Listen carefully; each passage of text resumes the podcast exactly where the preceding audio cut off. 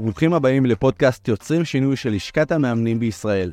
עמותה שמטרתה לקדם את מקצוע האימון, קואוצ'ינג, במדינת ישראל, וגם לפקח באופן וולונטרי על מאמנים ובתי ספר לאימון. אז נעים מאוד להכיר, אני אוהד קושמרו, יושב ראש לשכת המאמנים, מאמן עסקי בכיר ומומחה בתקשורת בין אישית לדיבור ועמידה בפני קהל. בפרקים הקרובים אנחנו נמשיך לשוחח על מגוון נושאים מרתקים בעולם ההתפתחות האישית והאימון, עם משפיענים ומובילי דעה מומחים בתחומם. אז אני שמח מאוד שהצטרפתם אלינו. ברוכים הבאים לפרק 23 בפודקאסט יוצרים שינוי של לשכת המאמנים, והיום אורחת ביקורתית, סתם היא לא באמת ביקורתית, היא ועדת יושב ראש ועדת ביקורת של לשכת המאמנים, ניבה בן ציון המהממת, מאמנת על חלל, מאמנת בחירה, מדריכת מאמנים עם המון ניסיון בעולם האימון. אני כבר מתרגש לשמוע מה הולך להביא הפרק הזה, ברוכים הבאים. ניבה. ברוכים הנמצאים ותודה שהזמנת אותי. איזה כיף שהסכמת לבוא אלינו לפודקאסט לשכת המאמנים. הרבה פעמים אנשים חושבים שאני מכין את הפרק או שאנחנו מתכוננים אז כל הפרקים שלנו כל הפודקאסטים הם לא מוכנים ואין שאלות מוכנות מראש ואין הכנה לפני ולא סתם אמרתי שאני מאוד מסוקרן מה הולך להיות הפרק. אז אה, ניבה. כן. לפני שבוע לפני שבועיים נפגשנו. ובאותו בוקר אמרתי לך, שש בבוקר, שש בבוקר, עוד לא התעוררתי, רק אני מקבל עלייך מלא מחמאות שניבה היא מאמנת על. את uh, רנטגן ואת יודעת מלא דברים ומלאה כרימון. מה קורה? מה, מה קורה ניבה? אני לא יודעת, האמת שאני קצת נבוכה. יש לך הרבה מעריצים. אני, אני באמת מרגישה שזאת זכות גדולה ואני מודה על כך, וזה תמיד אה, אה, גם מהנה מאוד לשמוע את זה. וגם באותה נשימה גם מעט מביך. כן נכון, מחמאות זה, אבל צריך לדעת לקבל מחמאות, אני למדתי את זה, לא תמיד ידעתי. כן, כן. אני עדיין בלמידה. איזה כיף, איזה כיף שאת עדיין בלמידה. מה הדבר האחרון שאת למדת על עולם האימון? כמה שנים את אה, בעולם האימון כבר? 17. 17 שנים. אז מה הדבר האחרון שלמדת על עולם האימון? קודם כל מה שמעניין בעולם האימון זה העובדה שמהרגע שנכנסים רק לומדים. אה, אז הלמידה היא ongoing, היא מתמשכת. אה, הדבר האחרון שהוספתי לארגז הכלים שלי, ואני לא בטוחה שהוא נחשב בעולם האימון, אבל זה עבודה עם זוגות בשיטת אימאגו, שיש בה לא מעט אלמנטים שמאוד מתממשקים עם האימון. עם השנים, הפוקוס שלי היה על נושא של מערכות יחסים, וחשבתי שלהוסיף את השיטה הזאת לארגז הכלים שלי זה אך מתבקש. וזה מה שעשיתי. אז אני חושב שזה קודם כל מדהים זה לא חייב להיות בעולם האימון אנחנו אוסף של המון המון המון אה, דברים שלמדנו בחיים שלנו וכל ידע חדש או כל צמיחה חדשה זה זה מבורך ואנחנו עוסקים בצמיחה. כל הזמן. רוב המאמנים שאני מכיר הם היו בעלי מקצוע אחר לפני והם פתאום פגשו משהו בעולם האימון שפתח להם. מה, מה הביא אותך לעולם האימון? איפה, איפה זה פגש אותך פעם ראשונה? איפה זה היכה בך? איזה סיפור נחמד. ב-2004 אה, הוצאתי ספר. ספר מתנה, שבאופן אה, אולי אפילו קרמטי מדבר על מערכות יחסים. אה, יש כאן שלושה גלגולים של סוגים של מערכות יחסים שהם ללא מגדר וללא האנשה, אה, וזה משל בחרוזים למבוגרים. רציתי מאוד לכתוב את הספר השני, והייתה לי חברה, הייתה כי היא הלכה לעולמה, שלמדה אימון. היא הייתה, אני חושבת, הקורס הראשון בגומה גבים, או מה שהיה בזמנו גומה. ואמרתי לה, תאמני אותי. והיא אמרה לי, אותך אני לא מאמנת. את תלכי ללמוד. וככה התחיל. ב-2006 באמת הלכתי ללמוד אימון. The rest is history. מספר לחברה לאימון. ונשארת. נשארתי. האמת שמה שקרה בתחילת הדרך זה ש... עשיתי את הקורס הראשון, לא היה, לא הייתה לי כוונה בכלל להפוך להיות מאמנת.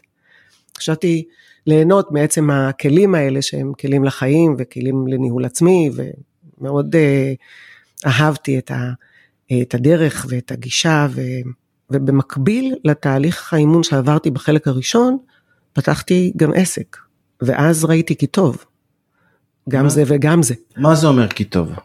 שגם האימון טוב לי, יחד עם העסק שגם טוב לי. שאת מנהלת את הזמן שלך עם עצמך. ו... אני חושבת שיותר מהאלמנט הזמן היה כאן את החיבור לחלקים שלי.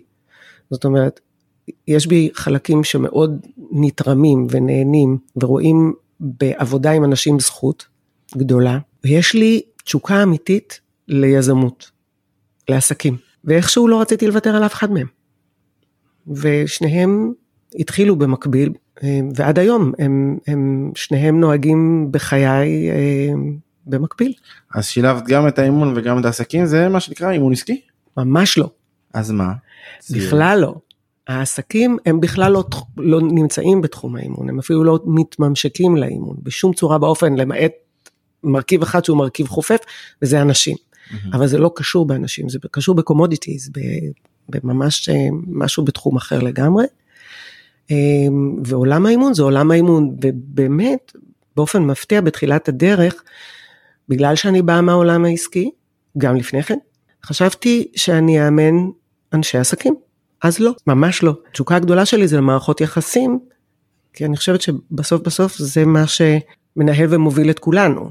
המערכות יחסים שאנחנו מנהלים עם העולם, אבל בעיקר אלה שאנחנו מנהלים עם עצמנו. אלה שאנחנו מנהלים עם עצמנו הם אלה שלוקחים אותנו את הדרך, כך או אחרת. אם אני אשאל בן אדם ברחוב מערכות יחסים, רוב התשובות שאני אקבל זה מסובך.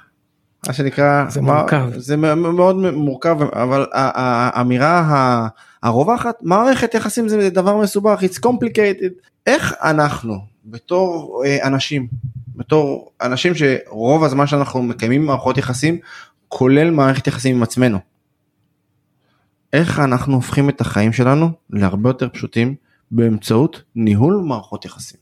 Hmm, זאת שאלה מצוינת. זה, ו- זה אפילו זה, זה, זה אני בטוח שזה התשובה תהיה קצה הקרחון כי זה מאוד מאוד מאוד מורכב ומכל כך הרבה דברים אבל בכל זאת. אז המפתח להבנת מערכת היחסים שאנחנו מנהלים עם הסביבה שלנו נמצא במערכת היחסים שאנחנו מנהלים עם עצמנו. זאת אומרת כדי להבין וכדי לגדול ולהתפתח ההזמנה היא זה לבדוק מה אנחנו עושים בתוכנו או מה קורה בתוכנו. הקשרים החיצוניים שלנו הם למעשה גורם מזמן למשהו בנו. אז הוא גם גורם מזמן למה שקורה אצלנו, אבל זה גם מתנת הצמיחה. Mm-hmm. זאת אומרת, מתוך המראה הכפולה הזאת, אנחנו יכולים להבין לאן אנחנו מוזמנים לצמוח. עכשיו זה נשמע קל. זה פחות. כי חלק גדול מהמערכת יחסים שאנחנו מנהלים עם עצמנו נמצא בשנים מאוד ראשוניות בנו, בתהליך, mm-hmm. בתהליך הצמיחה שלנו כבני אדם. אה, והרבה מאוד נמצא שם. מה שהאימאגו טוען, זה שאנחנו נוצרים מתוך קשר, נולדים אל קשר, נפצעים בקשר ונרפאים בקשר. וואו. בדיוק. אז קשר זה, זה המסלול. גם הדבר שפוצע אותנו וגם הדבר שמרפא אותנו. בדיוק. מעניין. המסע שלנו בעולם הוא לייצר את הקשר שירפא את הפצע שיש בנו, את הפצעים שיש בנו. זה לא קצת אנוכי? ליצור קשר כדי לרפא אותנו, אנחנו, זה קצת אגואיסטי. זה לא מודע. זה לא מודע. לא, זה ממש לא מודע. וזה הקסם, נדמה לנו שאנחנו בוחרים את הבני זוג שלנו ואת החברים שלנו, אלה הקרובים לנו, mm-hmm. לפי איזושהי רשימת מכולת שיש לנו, אין דבר יותר רחוק מזה. נכון. כי הקשר הוא, הוא לגמרי לא מודע, הקשר שנוצר בתוכנו. אה, וזה כמו איזשהו סנסור שמסתובב בעולם ומחפש את הנפש התאומה, וזה לא על פי רשימת מכולת, לא גובה, לא משקל, לא אופי, לא חשבון בנק, לא כלום. כי יש משהו בתוכנו שמתחבר אל אה, סיכוי לרפא. יש לי, יש לי חבר שכל הזמן מחפש עוד מערכת יחסים ועוד מערכת יחסים כל הזמן אומר לי אל תדאג אחי לכל סיר יש מכסה ואמרתי לו תקשיב אני חושב שזה הרבה יותר uh, מהמושג הפשטני הזה לכל סיר, סיר יש מכסה חוץ מזה שהוא נראה כמו ווק. עזבי את זה אז יש באמת משהו בקרמה בתדר שרואים שהבן אדם לא רוצה להירפא מזה האם אני לוקח את זה דרך השפה שלך לא רוצה להירפא מזה הוא כאילו טוב לו להרחיק כל בן אדם ש. הוא מדבר על שלום אבל לא מדבר על צדק. אבל זה, אבל זה הדבר המעניין, אנחנו נתקלים בתופעה הזאת, לא רק בכלל, כאילו שאנשים מצהירים שהם רוצים משהו, והם אפילו עושים לכאורה את כל הפעולות, אבל בתוך תוכם הם עושים בדיוק את ההפך, הם כאילו מתרחקים מזה, וזה, וזה קורה לא מעט, אנשים לא לגמרי מחוברים לרצון האמיתי שלהם. וחלק גדול מהעבודה זה לראות מה, מה אנחנו רוצים באמת. אגב, זו גם שאלה אימונית, לאו דווקא רק במערכות יחסים בכלל. אנחנו בעיקר גדלים לתוך צריכים, לתוך uh, חייבים, לתוך uh, אין ברירה, כן, הצריכים זה גדול, זה השודיזם קוראים לזה, I should do that. כן. אז כל המקום הזה שבו אנחנו גדלים לתוך מה שצריך לעשות, ומה שחובה לעשות, ומה שאימא רוצה שנעשה, ואבא רוצה שנעשה, והחברה רוצה שנעשה, אנחנו מתרחקים מאוד, מיותר מפחות, אה, מהרצון האמיתי שלנו. וכשאנחנו שואלים אנשים, מה אתה רוצה? רוצה? overrated. כאילו, מה זה רוצה? אז, אז איך אנחנו, mm. בתור בני אדם, שאנחנו רוצים משהו מאוד, רוצה, אני רוצה, רוצה זה, כל בן אדם יש לו את הרוצה שלו, רוצה זה המחנה המשותף הכי נמוך של בני אדם. כולם רוצים. כולם רוצים אה, להיות מאושרים, כולם רוצים, השאלה, מה עושים? איך אני יודע מה אני באמת רוצה? איך אני מוצא את זה? כמה זמן יש לנו לפודקאסט? יש, יש לנו זמן, אם צריך אנחנו גם נשען פה צהריים. אני חושבת שעוד לפני איך אני יודע, זה עד כמה אני יודע שזה לגיטימי לרצות. תסבירי. כי אנחנו בתור ילדים קטנים, אנחנו מה זה עובדים עם הבא לי ורוצה ואנחנו שולפים את זה בשניות. כשאתה מדבר באנחנו אני קצת, אני הולכת לאיבוד. כבני אדם, אני, בתור ילד, בא לי ואני רוצה, הייתי שולף את זה במהירות. בתור בן אדם בוגר, בן 44. אז uh, יש הרבה דברים חברתיים שאנחנו חייבים לעשות, חייבים לשלם מיסים, חייבים לעשות uh, זה, ח... יש דברים שאנחנו חייבים. וכמו שאבא שלי אומר לי, לא תמיד אתה עושה מה שבא לך. הנה, אלה במיוחד, אמירות, אמירות מאוד מעניינות. במיוחד לפני שהלכתי ללמוד אימון, אמר לי, תקשיב, זה קשקוש בלבוש, אין דבר כזה, אין מקצוע כזה, המציאו את זה לא מזמן. אז אמרתי לו, בסדר, בוא, בוא נצטרף לטרנד. הטרנד הזה הפך להיות למקצוע מאוד מבוקש בעולם. כן. אז איך אני מוצא את, ה, את ה, מה אני רוצה באמת? תראה כמה כוח אבל צריך אדם כמוך שגדל במקום שבו המסר הוא שלרצות זאת פריבילגיה. מה זה אנחנו, יש מלא חובות בעולם הזה, אין לנו זכות לרצות. אם אדם גדל בתוך סיטואציה כזאת צריך המון כוח כדי להגיד רגע רגע רגע, אני בוחר לרצות. וזה כשאוהד מדבר. אבל אם גדל ילד בתוך בית שיודע עבורו מה נכון, ומלמד אותו לאורך הדרך שאבא ואמא יודעים מה נכון בשבילך. אבא ואמא יודעים יותר טוב ממך. והילד הזה גדל, מבולבל, כי הוא רוצה א', אבל אבא ואמא יודעים יותר טוב. זה כמו חבל טבור בווי-פיי. זה עדיין מתנתקת, אבל אתה עדיין מחובר. יש המון כאלה. ואז הם מגיעים לגילאי 40 וגילאי 50 והם מגיעים אליי לחדר, או אפילו לכיתת האימון, שבה הם, אין דבר יותר רחוק מהם מעצמם. מעצמם. כן. הם, הם כל כך רחוקים מעצמם שזה, במקרה יש שם איזשהו קשר. שאריות. והשאלה של מה אתה רוצה היא שאלה שנשמעת הכי פשוטה והיא הכי מורכבת. כן, תעמדי מול בן אדם, תשאלי אותו מה אתה רוצה. עכשיו, ת, אתם יושבים, שומעים אותנו, מדברים אחד עם השנייה. אה, לא משנה איפה אתם נמצאים, בחופש, באוטו. זה לא מה אתה רוצה, זה מה אתה רוצה באמת. מה, עזבי, נלך את זה להכי פשוט, מה בא לכם שיקרה לכם בחיים? ואז אתה יודע מה מגיע, מה שמגיע זה כל האולי והאבל והאם, וירשו לי, וייתנו לי, ויאפשרו לי, ברור. זה כל אותם דברים שהם... חס וחלילה, שלא יגידו לי שאני יוצא מהתלם. אנשים עסוקים בעיקר בלמה לא. ובאמת זה, זה החלופה, החלופה היא זה במקום להתעסק בלמה לא, להתחיל לשאול את האיך כן. אמ, וזה אתה יודע, באמת ההתבוננות המעט אחרת על אותו מוצא, העניין. אז איך אני מוצא, איך בן אדם עכשיו שמאזין לנו, mm. יושב באוטו עכשיו בדרך לעבודה שהוא במרכאות מת עליה, הוא חייב לעשות את זה כדי לקבל את המשכורת החודשית, והוא נוסע ממקום שקשה לו, והוא מתמודד עם האישה והילדים, למקום שהוא לא סובל והוא מתמודד עם הבוס, באוטו הכי מפואר mm. שהוא קיבל עם דלק מהחברה, אבל מה, הוא לוקח אותו מקופסה לקופסה, מהקופסה של הבית, והוא גם אוכל את הארוחת בוקר שלו בקופסה, וחי בתוך קופסה. איך הוא יוצא מתוך הקופסה של החיים שלו, ושואל את עצמו באמת, בצורה מאוד פשוטה, מה אני רוצה לעשות בחיים האלה? אני חושבת שאתה תיארת בערך אה, אה, אחוז ניכר מאוד מהאנשים בכלל. אז בראש ובראשונה, לטעמי לפחות, זה ההכרה שיש אפשרות אחרת. המודעות לכך שיש אפשרות אחרת, זה הפתח, זה איך ש- הסדק. איך שאמרת שיש אפשרות אחרת, את יודעת מה קורה תוך 0.0000 השנייה? איך שאומרים לבן אדם, יש לך אפשרות אחרת, מה קורה? נכנסת המחשבה כמו שאמרת, שמשתקת את ה... אז לכן אני אומרת, הדבר הראשון, הצעד הראשון זה להבין ש, שיש עוד אפשרויות, שזה לא האפשרות היחידה, זה לעשות סדק, אני קוראת לזה הסדקים שדרכם נכנס האור, לא אני קראתי לזה כמובן, כן. ליאונרד כהן, אני לקחתי את זה ממנו, זה שהסדק הזה באמת המוחלטת הזאת, שזאת העובדה ואין בלתה וכך צריך ואין ברירה. ואני נועדתי לעבוד כך כל חיי בדבר ככה שלא, זה. ככה זה. כן. מה לעשות? אז אם אני מצליחה לעשות את הסדק הזה במחשבה האקסיומטית הזאת שהאדם מסתובב איתה, זה תחילתו של עניין. זו הדרך. הדרך היא קודם כל להסכים להתבונן על זה, להסכים, איך אני אומרת את זה לאנשים? אני אומרת להם, תקשיבו, זאת האמת שלך, והיא תוכיח את עצמה כל הזמן. עכשיו, אם אנחנו רוצים לעבוד, בוא נניח אותה רגע אחד על מדף. תמיד נוכל לחזור אליה. נעשה איזשהו סיור כזה. נראה מה עוד, מה יש שם שאנחנו עוד לא רואים. האם יש שם משהו שאנחנו לא רואים?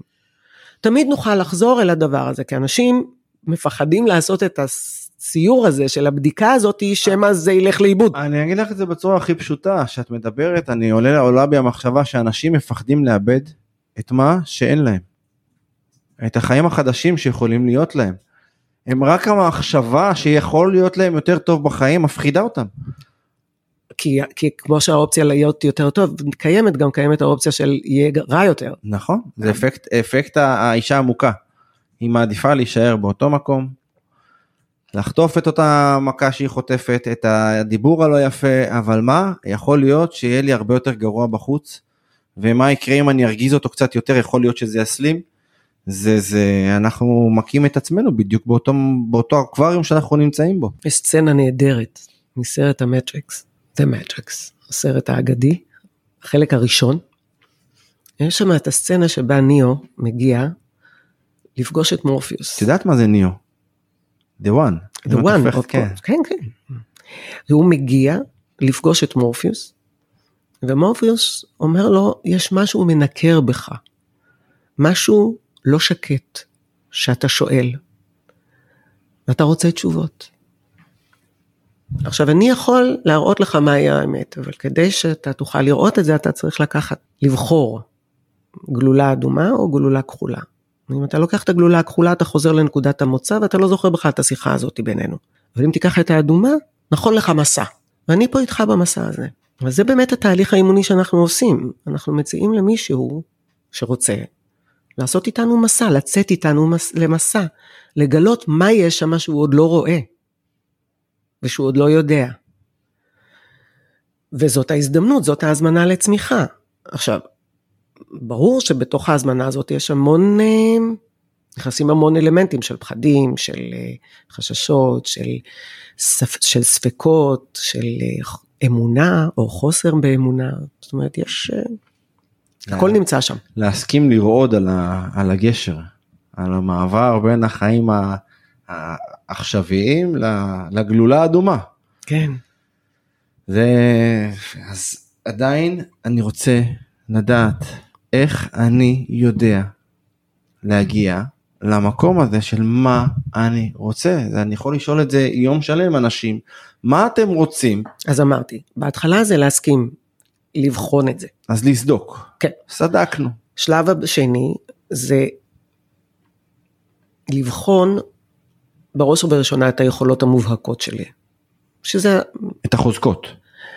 אתה יודע שלאנשים אני, נכון, זה מדובר בחוזקות, אני בדרך כלל מעדיפה לדבר במונחים שהם לא אימוניים, כן. עם אנשים שהם לא באים מהתחום. אז אנשים שלא באים מהתחום יכולים בהחלט להתחבר ליכולות, יכולות. כן? לכולם יש. לא תמיד הם מודעים לזה, אבל לכולם יש. ואני אומרת, זה טנק הדלק שלנו, איתו אנחנו יוצאים לדרך. אם יש לנו טנק מלא, אנחנו ניסע עד אילת ונחזור. אם יש לנו טנק חלקי, ניסע פחות. עד אילת. כן. בכל מקרה ניסע. זאת אומרת, אנחנו תמיד נצליח לזוז, ואנחנו זזים באמצעות היכולות שלנו, אז זאת בדיקה אחת. ובאופן מפתיע נדמה לאנשים שהם יודעים מהם היכולות שלהם, ההפתעה היא זה שהם לא. הם לא יודעים לבטח את כולם, הם, הם לעתים אפילו לא מודעים לזה, הם לא יודעים לנכס את זה לעצמם, הם לא יודעים לשיים את זה ולהמשיג את זה. גם אם הם יודעים, הם יודעים במעורפל.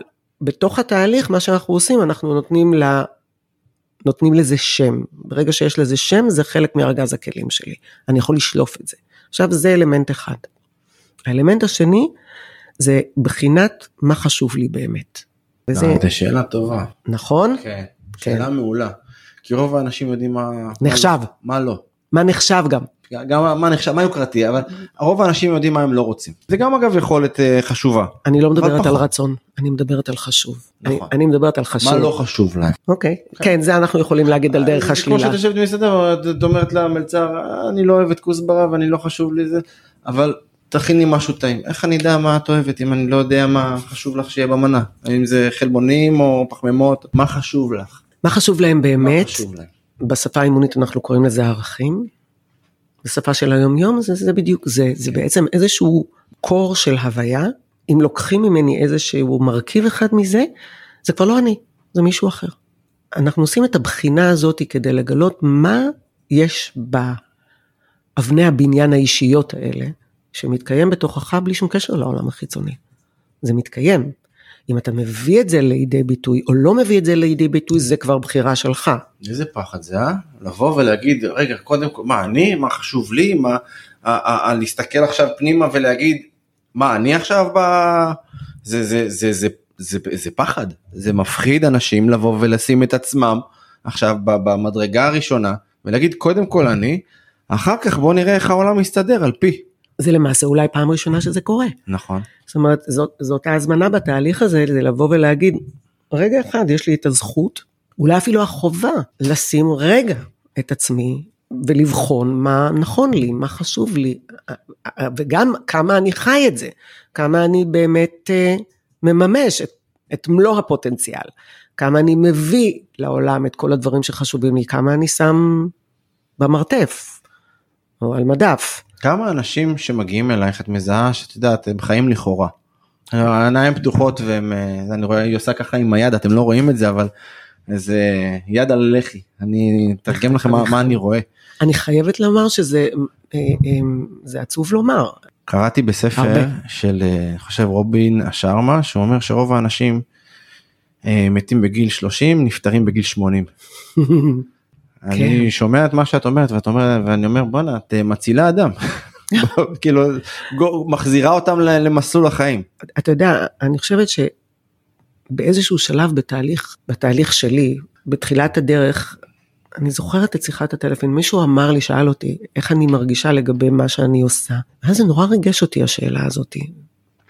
ואמרתי שאני חושבת שאני הגעתי ל, ל, למיצוי של, של הייעוד שלי, של מי שאני. יש, יש מודל יפני שנקרא איקי גיא. זה מודל, הוא מודל מאוד מעניין, הוא מודל ש, אה, שבעצם זה הסיבה להיותנו. זה לוקח שמונה מעגלים שונים אה, ו, ואת הממשקים ביניהם. כשאדם חי את מלוא שמונת הממשקים האלה והמעגלים, הוא בעצם נמצא בסנטר של הסיבה להיותו. רזון דט אומרים הצרפתים, זה בדיוק הסיבה להיותנו. אז זה מושג טוב כי אני שמעתי מיצוי, אני ישר עלה לי בראש, מסיימים את המיצוי של הטיעון זורקים, אז אני אומר כאילו, אימא'לה... זה מדהים, זה מדהים לאן לוקח כל אדם כן. את המילים. היפנים כאילו יצרו באמת איזשהו ממשק, בעיקר באמת בחיבור של מי שאנחנו לבין מה שאנחנו עושים. ועל זה אנחנו נמצאים, על השאלה הזאת אנחנו נמצאים, אדם, אתה יודע, נמצא במעגלים של אה, אה, בית, עבודה, מעט תחביבים אם יש, mm-hmm. and that's it, בסוף, אה, לא? קודם כל כן, ואני אשאל אותך שאלה אם את מרשה לי, בסדר? אם את מרשה לי לשאול לא אותך שאלה לא מאוד אישית. מאוד אישית אה, כי לא מזמן ביקרתי אותך אצלך בבית. הייתה לנו שיחה ממש אה, אני יצאתי עם המון מחשבות אחרי השיחה הזאת שיחה מדהימה. קודם כל הבית שלך מסודר ברמה שאמרתי לך בא לי לבשל במטבח הכל כאילו הכל מסודר ועם הבקבוקים האלה מהטיסות של אה, KLM ו... ואז ראיתי הרבה סמלים וזיכרונות. שיתפת אותי שבעלך בן זוג בן זוגך איבדת אותו. נכון. אני לא היה לי את האומץ לשאול אותך מרגש אותי איך התמודדת עם זה ואם האימון בכלל היה לו חלק בעזרה של השיקום של הפצע. אני אומר לך את זה עם דמעות. קודם כל כן בוודאי האימון היה המשענת והעוגן הכי משמעותיים שהיו בתקופה הזאת. זה היה מבחינתי המקום אליו הלכתי כשרציתי לשכוח שאני מתמודדת עם אובדן ועם שכול מאוד uh, טראומטי, משפחתי, אישי. אני זוכרת שאני התחלתי, פתחתי קורס חודש וחצי אחרי האירוע במודיעין. אני לא זוכרת איך היה הקורס הזה, באמת. אבל אני יודעת להגיד שהוא היה כל כך משמעותי עבורי, עצם העובדה שיכולתי לצאת מתוך האבל והאובדן וההתמודדות עם כל הנשורת שהייתה אחרי זה, זה, זה היה המנוע והנחמה. ידעתי שאני מתחילה להירפא כשהצלחתי בעצם לראות את האנשים האחרים. תסבירי. אדם שחווה אה, אה, אובדן ושכול, בעיקר בתוך עצמו הוא גר. אדם כמו... בתוך עצמו הוא זר. לא, הוא גר, הוא גר. אדם בתוך עצמו, ההשתבללות היא חלק מתהליך הריפוי. אצלי לפחות. אני תמיד משווה את זה לזאב פצוע. זאב, הזאבים הם להקה, הם, הם חיים בלהקות, כמו אנשים. אה, אבל כשזאב פצוע, הוא פורש מהלהקה עד שהוא נרפא. אני הרגשתי שאני פצועה ושאני אה, בעיקר צריכה לפרוש מהלהקה. עצב העמוק והאבל העמוק וה, ותחושת האובדן וההתפכחות והכעס וכל הרגש, כל שלל הרגשות שמלווה אה, אירוע מסוג כזה, לא מאפשרים באמת מקום לראות סבל של אחר. עכשיו, מה התפקיד שלנו באימון? זה להיות בחדר בשביל האחר. לא הרגשתי את זה בהתחלה. לא יכולתי באמת לראות את האחר. הרגשתי שאני נרפאת או מתחילה לחוות איזשהו, איזשהו סוג של ריפוי כשיכולתי, כשיכולתי להתחבר. נכון. Mm-hmm. אז ידעתי ש... המיכל שלך היה ריק ולא יכולת לתת אותו. התחיל להתרוקן. ממש. או התחיל להתרוקן. כמו סוללה כזאת שאת כן. לא יכולה לתת למישהו אחר טעינה. ממש. זה, וזה היה העניין. אז הללמד היה עבורי ממש אה, אה, עיר מקלט ומפלט. בן זוגך זיכרונו לברכה, אני לא יודע את השם שלו. אבי. אבי, אבי חשוב להגיד את השם שלו, אבי זיכרונו כן. לברכה. היה רואה אותך היום על ה... איך התמודדת. הוא יושב, הוא יושב לידך. מה היה אומר לך? אבי לא היה איש של מילים. הייתה בינינו זוגיות אה, של 42 שנים. אני חושבת שבעיקר אבי מאוד שמח עליי, בעיקר על המסוגלות שלי. זאת אומרת, אני חושבת שהוא לא היה מופתע. מהעובדה שהתמודדתי כמו שהתמודדתי. ועדיין מתמודדת. זאת אומרת, העניין, הרבה אנשים חושבים שה, שנקודת השבר הגדול זה, זה הנקודה שבה האירוע הזה מתרחש. ההודעה. אז, אז, אז לא. השבר, השבר הוא ongoing, זאת אומרת, זה, זה כמו כדור שלג שמתחיל מאותה הנקודה, אבל הוא מתמשך והוא מתגלגל והוא צובר תאוצה וכוח עם המון מחירים. שמשלמים בדרך, וזה עד היום כך. Mm-hmm. זאת אומרת, ישנם מחירים חברתיים וכלכליים וסביבתיים ו- ו- ואישיים ורגשיים, ובכל ממשק אפשרי יש מחיר לשלם כתוצאה מאירוע כזה. אז בכל זאת אמרת שהוא לא היה איש של מילים. אלא אם כן הוא היה, אלא אם כן הוא כעס, כשהוא כעס הוא היה לו מילים, הרבה. עדיין, גם אנשים שהם לא אנשים של מילים, מדי פעם יוצא להם איזה משפט שהם כאילו זה משפט סיכום לא משנה גם אם הם מתחילים זה הם מתחילים מהמשפט סיכום. מה, מה המשפט שאומר לך על, ה, על הדרך שעברת מאז שאתם לא ביחד ברמה הפיזית. אני הייתי רוצה שהוא יגיד כל הכבוד. על מה, על מה הוא יגיע בך? על כך שבחרתי בחיים, על כך שהקפדתי לשמור על הבנות שלנו ועל הנכדים שלנו, על כך שאני עדיין זקופה. מאוד. וחיה. לא ליד החיים, אלא חיה אותם במלואם, לצד הכאב שנוכח כל הזמן הוא לא ב... הוא הלך פיזית, אבל מכל בחינה אחרת הוא כאן. אני יודעת שסטודנטים שלי יודעים עליו כאילו הוא חי. והתמונות שלו, והזיכרונות ממנו, והצחוקים, והכעסים. אני רבה איתו עדיין, בעיקר על זה שהוא העז ללכת והשאיר אותי פה לבד. אבל אני חיה. אז את עדיין מנהלת איתו מערכת יחסים. אה, ברור. והמערכת יחסים הזאת, היא מרפאה אותך? אני לומדת המון עליי באמצעותה, ועל מה היה חשוב לי במערכת הזאת, ועד כמה נתרמתי ממנה. אתה יודע, מערכת יחסים של 40 ומשהו שנים, זה, זה לא אה, סלול בשושנים כל הזמן, אה? נכון. לא מעט פעמים שלחתי אותו בחזרה לאימא שלו, אבל הוא חזר, אה, וטוב שכך. הוא היה אדם בשבילי, באמצעותו ובזכותו ריפאתי המון מהפצעים שלי, ואני עדיין במסע הזה. קודם כל תודה ש, שאת משתפת אותי ואת מאפשרת לי ככה לגעת ב, בדבר הזה כי בשבילי זה זה חרדת קודש אני. תודה. תודה על ההזדמנות לדבר על זה. אני, אני, אני, מאוד, אני מאוד מתרגש קשה לי לדבר כי אני מפחד אני מפחד שיגעו לי במתים שלי. כשאת מדברת אני אני רואה הרבה דברים סביבך גם איך שנכנסת אמרתי לך אה לאחיך יש זקן. זה, עכשיו אני לא איזה טלפטור או משהו כזה אבל התחלנו את השיחה במערכות יחסים שמרפאות. נכון. ובחוויה שלי בשיחות שלנו עד עכשיו שהיו אני ממש מרגיש את המערכת יחסים שלך עם אבי ממשיכה לרפא עוד הרבה אנשים סביבך ואותך. תודה. ואני רוצה לסכם בדמעות האלה ובהתרגשות הזאת ולהגיד לך מה זה תודה שבאת ומה זה תודה שאפשרת לי לרפא עוד קצת mm. דרך השיחה שלנו. תודה לך. אין, אין לי מילים. תודה. אז, אז תודה. תודה רבה שהאזנתם לנו, אתם מוזמנים להאזין לנו בכל רשתות הפודקאסט, ספוטיפיי, גוגל פודקאסט ואפל פודקאסט, ונשתמע בפרק הבא.